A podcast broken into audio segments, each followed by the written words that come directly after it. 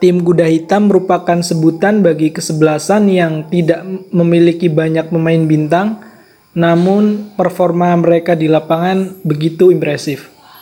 Kehadiran tim-tim kuda hitam ini sering kali menyulitkan para tim-tim papan atas yang memang sudah mapan.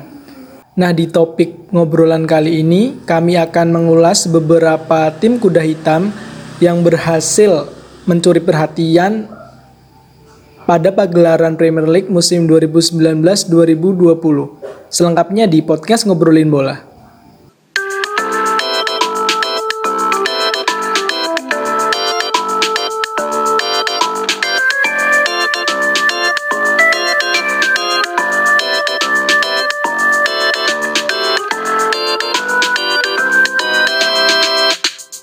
Selamat datang di podcast Ngobrolin Bola. Kali ini saya masih ditemani partner saya yang bernama Nur Mujiono.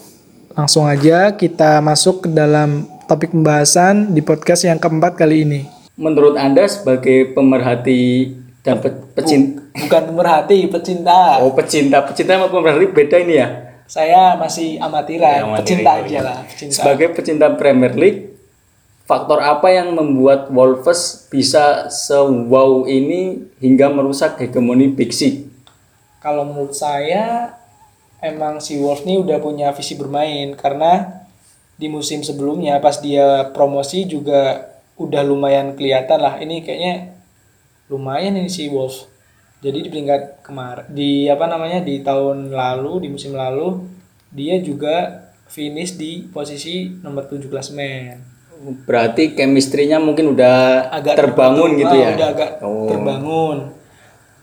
Dan di musim ini lebih meyakinkan dari musim lalu. Kayaknya sekarang kan di peringkat 6 nih, kayaknya bisa aja lolos Liga Champions. Mungkin Akan mungkin menjadi ya. sebuah kejutan yang luar biasa Luar- lagi kalau nggak si luar biasa lagi emang sangat wow seorang Wolf bisa ikut Champions ikut League. Champions. Boleh, boleh, boleh.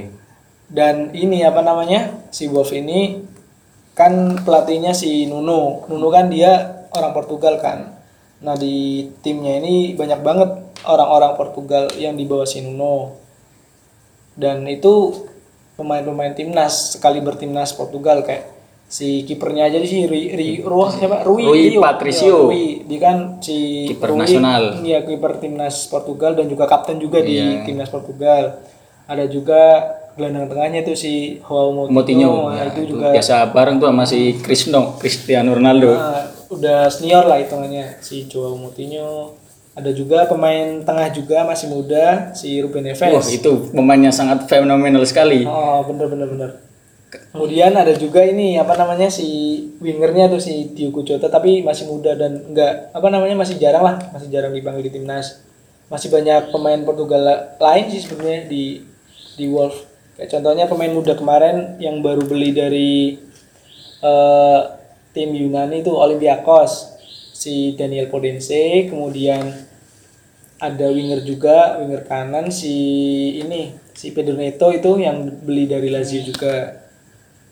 Selain itu emang apa namanya permainan dari yang dibawa oleh si Nuno ini emang taktis banget. Dia ngandelin sisi sayap dari si Wolf untuk mengobrak-abrik pertahanan lawan kayak gitu. Tapi ada yang menarik nih. Di Wolves kan baru dua tahun ke belakang nih promosi kan. Iya iya benar-benar. Kok pemain se- sekelas timnas Portugal itu mau pindah ke Wolves? Contoh itu si Neves itu kan dia kapten di Porto. Porto kan iya, benar-benar. udah hampir dipastikan itu ikut Champions League terus kan. Iya iya. Kenapa dia berani pindah ke Wolves yang timnya baru tim promosi belum tentu dia ikut Champions League musim depan. Kenapa itu? Oh iya ya. Jadi ini apa namanya si si Ruben Neves tuh dia kan gabung ke Wolves sebelum Wolves promosi ke Premier League. nih. Ya jadi waktu itu si Ruben Neves mainnya pas si Wolves masih di Championship. Nah, kenapa dia mau ke Wolves? Ya karena salah satunya faktor si Nuno ini. Jadi si Nuno direkrut pas tahun 2017 kalau nggak salah 2017 direkrut manajemen Wolf. Nah, di balik perekrutan ini si manajemen Wolf ini emang punya temen. Nah, temennya ini salah satu agen yang berpengaruh di Portugal. Tahu nggak siapa nama agennya? Oh si Mendes itu ya yang oh iya benar si Mendes. iya si Jogi Mendes. Nah setelah si Nuno ini masuk ke Wolf, eh, pengaruh pengaruhnya itu pengaruh selain Nuno juga pengaruh si Mendes ini membawa para pemain Portugal masuk ke tim Wolverhampton Oh, Wanderers. pantesan yang bermain di belakang itu Mendes, agen Super, ya. super Eropa lah. Udah terbukti kan Cristiano Ronaldo pindah dari Lisbon ke Ah. Man United. Dia juga bawa Mourinho ke Chelsea dulu ya. Iya iya benar benar benar. Berarti ya ada faktor faktor luar juga nih yang mempengaruhi para pemain nasional Portugal bisa mau ikut pindah ke si Wolves. Ah, benar-benar. Kalau dilihat-lihat juga emang cukup solid menurut saya pertahanan dari si Wolves meskipun Wolves mengandalkan skema 3 back biasanya itu si Wolverhampton emang formasinya pakem 3-4-3 kalau enggak kadang ya variasi 3-5-2 atau mungkin 5-4-1 biasanya emang lebih sering pakai 3-4-3 di belakang. Biasanya itu back back tengahnya. Kipernya Rui biasanya itu pakem itu terus. Kemudian di belakang backnya itu biasanya si kaptennya Kanner Cody ini kemudian ada Roman Sais sama satunya kadang Boli, William Boli, Boli, atau mungkin Boli. si ini si gelandang bertanya Le- Leandro Dendotsker Tindoker. iya itu kadang itu Terus atau mungkin Bennett biasanya Bennett Bennett ya tapi Bennett. paling sering biasanya itu si Roman Sais kemudian si Cody. kapten ya Cody sama satunya biasanya si Dendok Dendoker ya. Dendotker atau si Boli, Boli. Heeh. Oh iya. kemudian kalau kita lihat lagi ke depan back sayap back apa back kiri sama kanannya itu dimajuin ke depan jadi back sayap jadi dia fleksibel fleksibel banget kadang maju kadang mundur Oh itu di kanan ada si ini apa namanya si Matt Doherty Doherty. Ah, benar kalau di kiri kadang, Vinagre. kadang ada Vinagre ataupun Johnny Otto pemain Spanyol Itu berarti yang kanan sama kiri itu harus ekstra tenaganya Oh, harus benar, ekstra sekali karena kalau dia keserang dia harus cepat balik ke belakang, kalau nyerang dia harus Ikut maju, ikut maju. ke- ke berarti depan. kunci strategi 3-4-3 itu ada di wingbacknya berarti ya, yang maju mundur maju mundur itu apa? Gimana menurut anda? kalau menurut saya nggak hanya di ini sih nggak hanya di wingbacknya juga perannya juga ada di si DMF-nya menurut saya. Jadi kan kalau 343 dia kan lebih berpotensi untuk apa ya lebih berbahaya lah kalau misal serangan balik gitu kan. Iya, nah si DMF-nya ini harus lebih berperan aktif lah lebih banyak berperan selain si wingbacknya yang naik maju Naik turun, naik iya, turun. naik turun naik turun itu Hmm. Kemudian selain selain tadi yang apa namanya ada dua back kanan kirinya di tengah itu biasanya yang biasa di, eh, di dipakai oleh si Nuno Espirito Santo ada Joe Moutinho dan si Ruben Neves. Neves Heeh. si fenomenal itu, wah yang masih muda itu kapten termuda di FC Porto ya. eh, yang pindah ke Wolves. Kalau di depan biasanya udah pakem sih si strikernya si Raul Jimenez, kemudian kanannya ada Traore, alumni lama sih ya. Bisa ditarik lagi tuh kayaknya tuh. Kayaknya nggak mau udah sakit hati dia, Iya, nggak pernah main di Barca. kemudian di kirinya si pemain Portugal juga Diogo Jota, tapi kadang masih sering diganti si ini Pedro Neto kadang. Pedro Neto yang di Portugal juga. menarik nih bahas line up dari si Wolves ada satu yang mencuri perhatian saya itu si Raul Jimenez. Dia striker yang kalau lihat dari statistik itu selalu main dari awal itu gimana itu? Apa emang dia fisiknya kuat? Apa emang strikernya itu itu aja si Wolves? Sampai dia main terus di setiap Oh, match. Iya, iya. Kayaknya kenapa si Jimenez emang main terus tuh kalau saya lihat emang striker murninya yang bagus di Wolves. Itu emang Raul Jimenez dan emang beruntung aja gitu loh nggak cedera. Jadi dia main terus. Oh, gitu ya. ya. dan dengan main terus sama duo winger kanan kirinya emang apa namanya chemistry ketiganya itu udah klop lah. Jadi udah kompak udah klop udah tahu satu dengan yang lain. Jadi lebih gacor kalau di depan muka gawang lah ya kayak gitu. Udah, udah klop gitulah udah. iya iya iya bener bener bener. Kalau melihat dari match Wolves selama musim ini nih, match yang paling menarik tuh lawan siapa menurut Anda? Oh, iya iya. Kalau kita lihat Wolves tuh salah satu tim yang keren di musim 2019-2020 ini. Kenapa keren? Karena dia itu satu-satunya tim yang bisa ngalahin City, home dan away. Oh, ya back to back gitu ya. Eh, pas di ini di kandangnya itu dia menang 2-0. Nah, Hmm. pas di kan itu di kandangnya City 2-0. Nah, pas di kandangnya si Wolves sendiri dia menang tipis 3-2, tapi prosesnya itu loh, proses menangnya itu berawal dari ketertinggalan 2-0. Oh, comeback yang comeback, fantastik ya. ya, Di comeback jadi 3-2. Ya ya iya sih emang Itu kan ya salah satu faktornya juga itu si kiper Moraes kan di kartu merah itu awal Oh, pertandingan. Iya, iya bener-bener sih. Tapi menurut saya meskipun apa namanya di kartu merah kan City itu mentalnya mental juara, Juara, lah, iya. ya, biasa gitu ya. Biasa kayak gitu. Tapi karena mungkin Spartanisme dari Wolves sangat tinggi, Iya. Apalagi pemain iya, bermain di apalagi kandang kan. bermain di kandang kan. Supporternya wah luar biasa. Sorai Jadi motivasinya berlipat ganda. lebih tinggi. Untuk informasi transfer dari Wolves, apakah ada update terbaru mengenai transfer pemain Wolves? Apakah banyak pemain yang bertahan atau justru malah banyak pemain yang hengkang?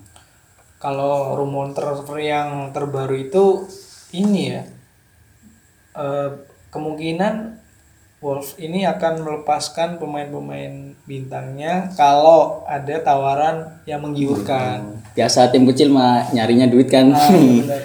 Kalau berita yang hangat-hangat ini si Adama Traore katanya mau di- Dilepas. dilepas ke katanya Liverpool minat. Hmm, kayak gitu. Kemudian si ini si strikernya si Jimenez juga katanya mau dijual.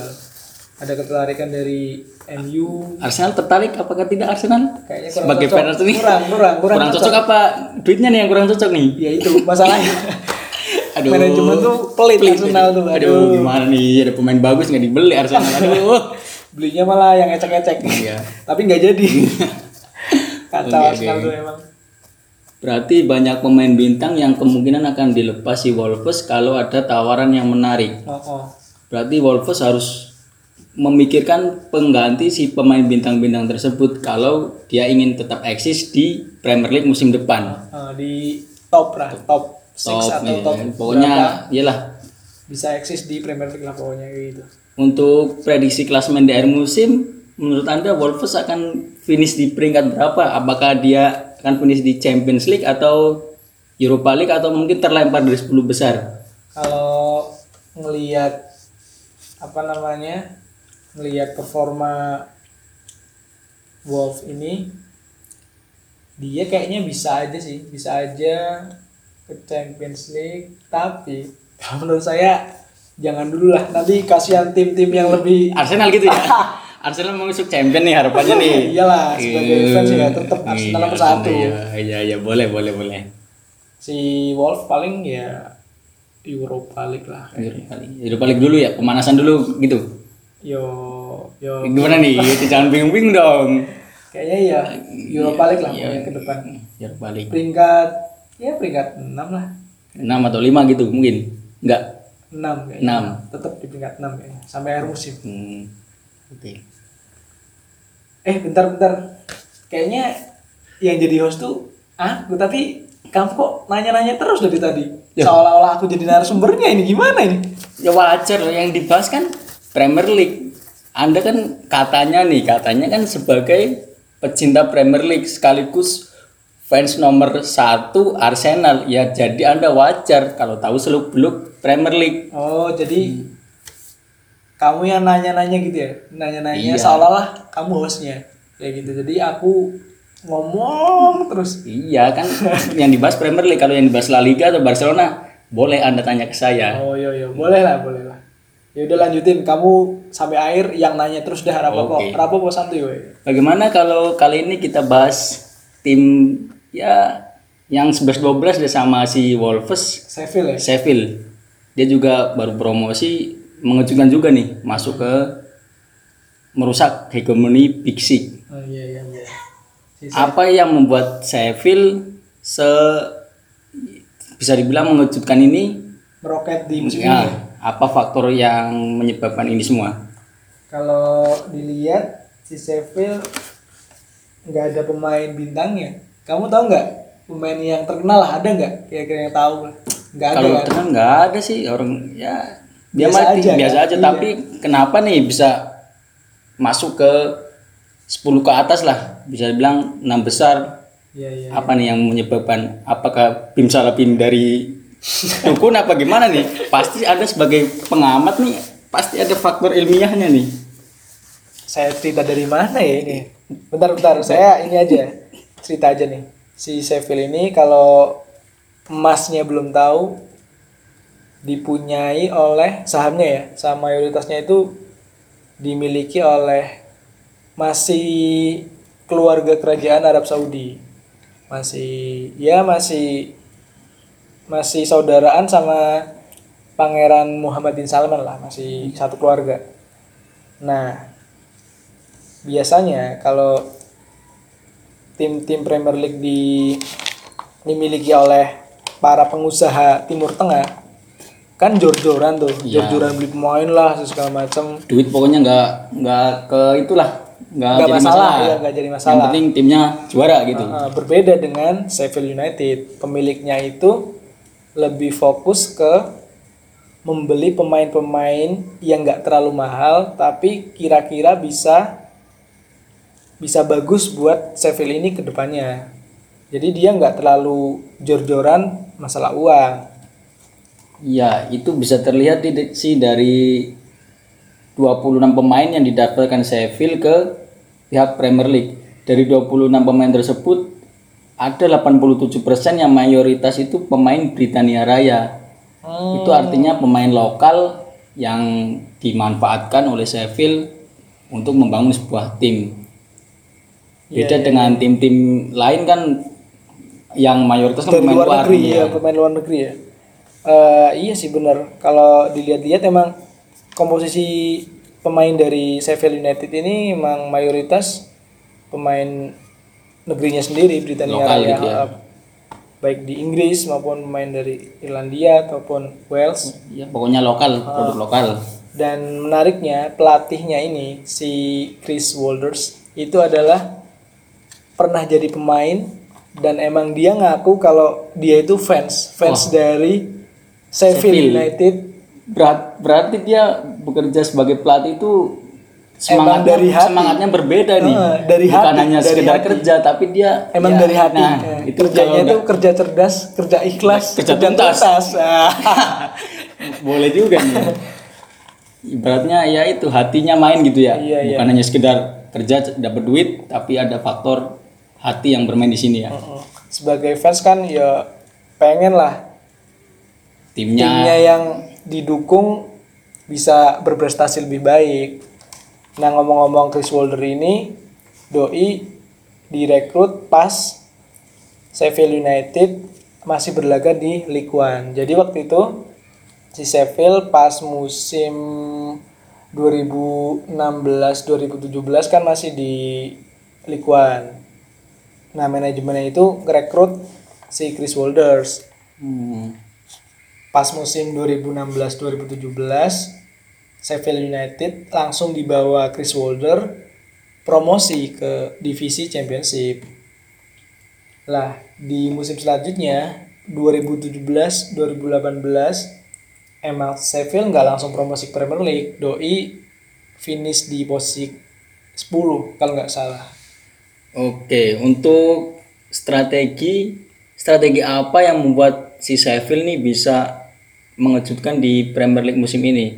Apakah ada strategi khusus? Apa gimana nih racikan sang pelatih Chris, Wilder?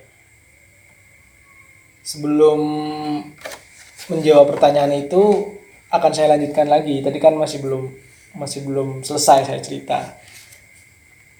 Chris Wilder setelah ditunjuk dari manajemen Sheffield United itu emang pakem menerapkan formasi 352 sejak musim 2016-2017 pas itu doi promosi ke championship di championship juga udah nerapin 352 di musim pertamanya 2018 finish di di peringkat 10 klasemen. Nah di next musim 2018-2019 tetap pakai formasi 352 dan Sheffield United ini berhasil finish di posisi berapa ya kalau nggak? Satu dua kalau nggak salah. Apa playoff ya? Agak lupa sih. Tapi emang eh, formasi yang Terapkan. diterapkan. ya diterapkan oleh Chris Wilder memang pakem 352 dari awal ketika dia diangkat jadi pelatih Sheffield United. Dan apa namanya kunci dari kunci dari kekuatan Sheffield United ini mengandalkan lini tengah yang solid. Selain dari tiga back yang bagus disiplin ketika bertahan yaitu mengandalkan lini tengah yang solid berbeda dengan Wolf yang emang mereka itu lebih fokus flank ya? iya flank di kanan Kecepatan kiri. pemain Iya, gitu. kecepatan wingernya kanan kirinya kayak gitu Kayaknya ada fenomena baru nih terkait dengan melonjaknya tim promosi ke papan atas, yaitu sekarang banyak tim promosi yang pakai tiga tiga back sekaligus. Apakah ini memang strategi yang bisa digunakan untuk melawan tim-tim yang sangat ketat di Premier League atau memang pelatih yang sudah biasa dengan strategi tersebut? Oh iya iya. Eh, emang kalau dilihat-lihat di tahun-tahun sebelumnya formasi 3 back ini udah pernah digunakan oleh tim-tim lain sih kayak MU pas zamannya Van Gaal, iya itu juga Conte di 352 ya Chelsea juga waktu itu 343 dan itu juara Conte waktu itu. Hmm. Tapi kan karena materi-materi pemainnya emang juga bagus kan Iya. pelatihnya juga bagus dan itu eh, taktik yang diterapkan Conte berjalan kalau lihat-lihat di musim-musim berikutnya untuk menerapkan formasi yang agak jarang kan formasi 3 back kalau di Premier League kan jarang, Jarang. banget digunakan Iya. Iya. Eh, tergantung dari pelatihnya sama tim dan komposisi pemainnya sebenarnya. Kalau misal timnya komposisi pemainnya nggak terlalu ya apa ya nggak terlalu bagus, Ya misal ada tiga back sejajar itu yang cedera, mungkin bisa ganti formasi apa gimana? tapi sebenarnya nggak gitu juga sih. Formasi 3 back ini lebih berhasilnya emang karena pakem yang dibawa pelatih sepertinya. Kalau kita lihat Van Hal, Conte itu kan emang dia emang udah pakem gitu loh, udah sering banget pakai formasi 3 back ini. melotok gitu ibaratnya Iya, ya. iya, udah udah pinter lah, udah jago pakai formasi 3 back. Kalau misal ada pelatih baru, kemudian di ya nggak pelatih baru, pelatih yang jarang pakai 3 back, kemudian Pakai tiga back, pakai 3 back mungkin ada agak kikuk juga kali Iya ya. agak agak mungkin perlu banyak perlu banyak belajar lagi. Berarti faktor kebiasaan Emang, pelatih. iya, iya, lebih mungkin banyak bukan faktor- karena pemain atau gimana kebiasaan pelatih pakai tiga back, jadi strateginya pakai tiga back gitu. Ya udah sering dipakai Iya. jadi taktiknya mungkin lebih berjalan di lapangan kayak gitu. Mungkin kalau ganti pelatih juga mungkin bisa ganti formasi juga kali ya. Kalau pelatih yang baru itu nggak biasa pakai tiga back. Bisa juga karena pas Conte nukangin Chelsea di musim kalau nggak salah 16 17 nggak sih? Iya, 16. setelah Leicester 15 16 juara itu kan dia kan formasinya 3 back kemudian juara kan waktu itu terus musim 17 18 Conte masih menukangi Chelsea yo 3 back juga setelahnya kan Doi dipecat kan Iya, dipecat. dipecat ganti pelatih baru Chelsea itu pelatihnya siapa sekarang? Sari. Sar oh iya waktu itu Sari. Sari Sari dulu, Sari dulu. Kan ganti kan. Hmm. Formasinya enggak Nggak tiga, empat back kalau nggak lagi, salah. langsung empat empat back dan emang emang faktor faktor Kebiasaan pergantian- pelatih gitu ya. Faktor pergantian pelatih juga sangat memengaruhi komposisi tim, taktik, squad dan lain-lain seperti itu. Untuk komposisi pemain di starting line up si Sheffield ada yang menarik atau mungkin bisa dijelaskan satu persatu dari kiper sampai ke striker? Eh, jadi kenapa Sheffield ini menjadi salah satu tim yang cukup bagus di musim 2019-2020 ini? Salah satunya itu ada penjaga gawang yang sedang tampil on fire lah, ibaratnya kayak gitu. Namanya itu Dean Henderson. Nah, si Dean Henderson tahu kan, dia itu pemain pinjaman dari tim Manchester United. Oh, menu menu. Iya. Dan manajemennya juga kemungkinan di musim depan bakal menarik lah, menarik si Dean Henderson ini pulang, pulang ke Old Trafford buat mungkin gantiin De Gea atau mungkin cuma jadi De Gea masih kayaknya masa Susah ya? masa masa Kemasan. produk ya kemasannya itu masih Panjang. ah, masih panjang kayaknya. Jangan balik dulu si Henderson kayaknya. jadi kayaknya tetap stay ya, stay di stay di Sheffield Sheffield aja. Iya. untuk mengasah kemampuan dulu. Kalau De Gea udah redup baru pindah ke baru pulang, Man U. baru pulang ke Oh, Old Trafford ya gitu. Nah tadi kan si Dean Henderson menjadi salah satu kunci keberhasilan Sheffield United masuk ke papan atas lah, ibaratnya papan atas, ya gitu papan atas. Selain ada Dean Henderson, juga ada tiga back yang cukup disiplin dalam mengawal pertahanan si Sheffield United. Ada John Egan, kemudian Oh, Bas. Basham, Basham. sama O'Connell O'Connell. Itu back tiga back sejajarnya. Iya iya. kemudian di back kanannya itu ada Beldok, Beldok, Baldok, kemudian kiri ada si Stephens. uh, Stephens. Kemudian di tengahnya ada Norwood biasanya Norwood kemudian Fleck sama si Lundstrom, Lundstrom, pemain Lundstrom ini. pemain baru itu ya dari Bournemouth ya. bukan coy. Lundstrom itu emang udah lama Oh, iya, iya, udah, iya. udah agak lama Iya, di iya, Sheffield iya, iya, United kemudian kemudian di depannya ada si biasanya tuh masang Muset kak satunya kalau enggak Oli McBurney McGoldrick ataupun si kapten si Billy Sharp ini Sap, Kayak merek TV. Iya benar. Tapi biasanya kalau di depan itu paling sering saya lihat line up-nya itu si Lis Lis Lis Moset sama McGoldrick atau enggak Oliver McBurney belakangan ini. Untuk sisi apa namanya? Untuk ketajamannya sendiri itu Sheffield nggak terlalu produktif sebenarnya. Tapi karena mereka emang lini tengahnya solid dan backnya juga lumayan disiplin ditambah kipernya emang bagus si Dean Henderson si Sheffield United ini menjadi tim dengan tingkat kebobolan paling rendah kedua setelah Liverpool ya kalau nggak salah Liverpool nggak sih Iya kayaknya Liverpool. Berarti ini pertahanan si Sheffield termasuk yang solid juga ya. Oh, oh, salah satu Pertahanan tersolid. tersolid di Premier, Premier League musim 2019-2020 ini. Nah, si Dean Henderson juga dia menjadi kiper yang paling banyak clean sheet kedua setelah kipernya ini, kipernya Burnley si Nick Pope. Si Nick Pope itu udah clean sheet 11 kali, sedangkan si Dean Henderson ini 10 kali. Kayak gitu.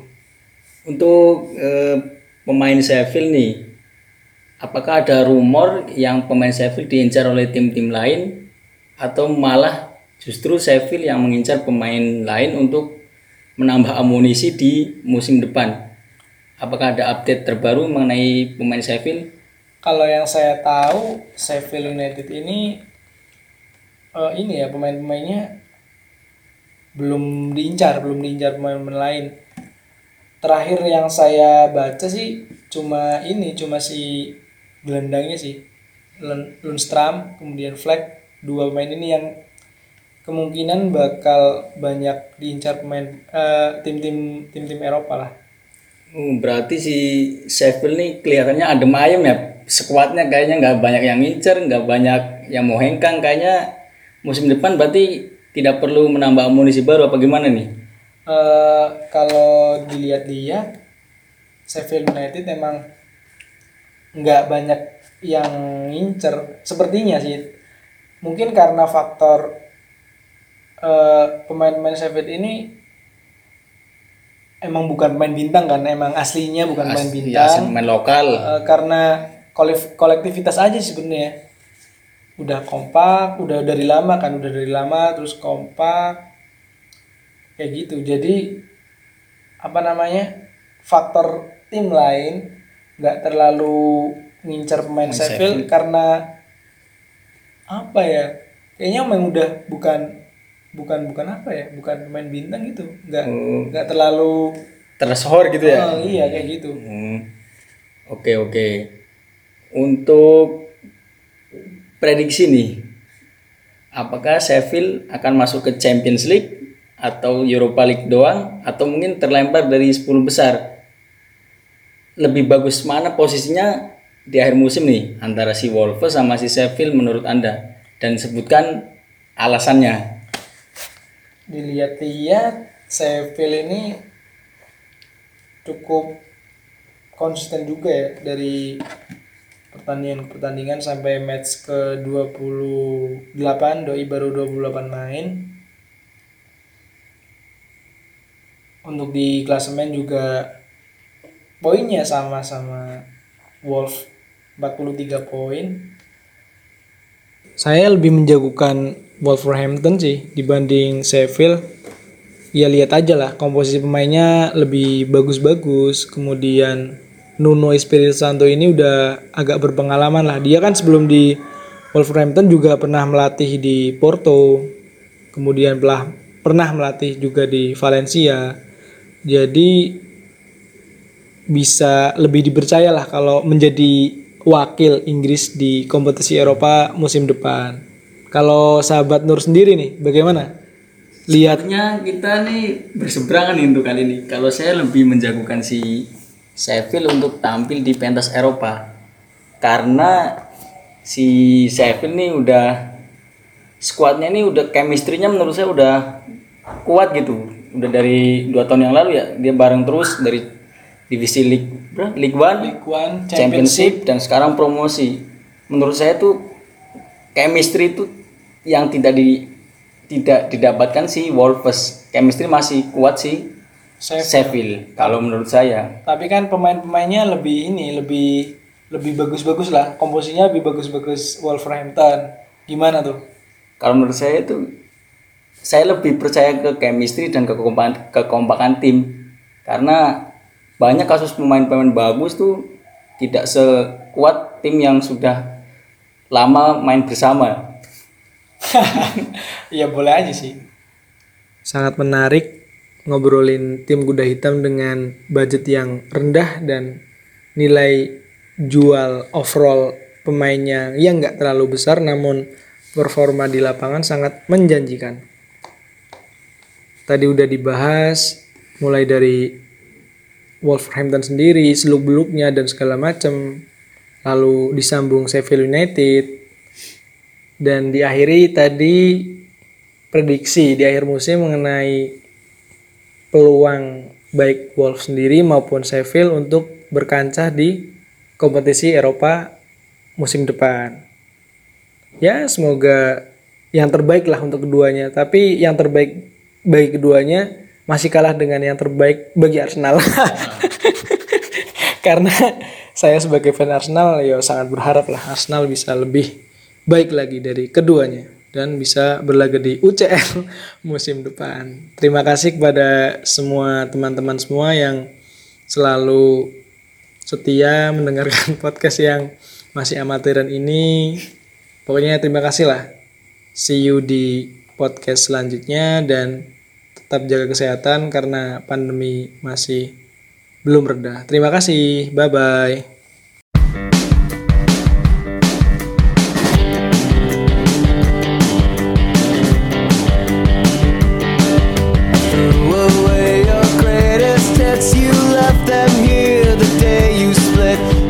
get tired.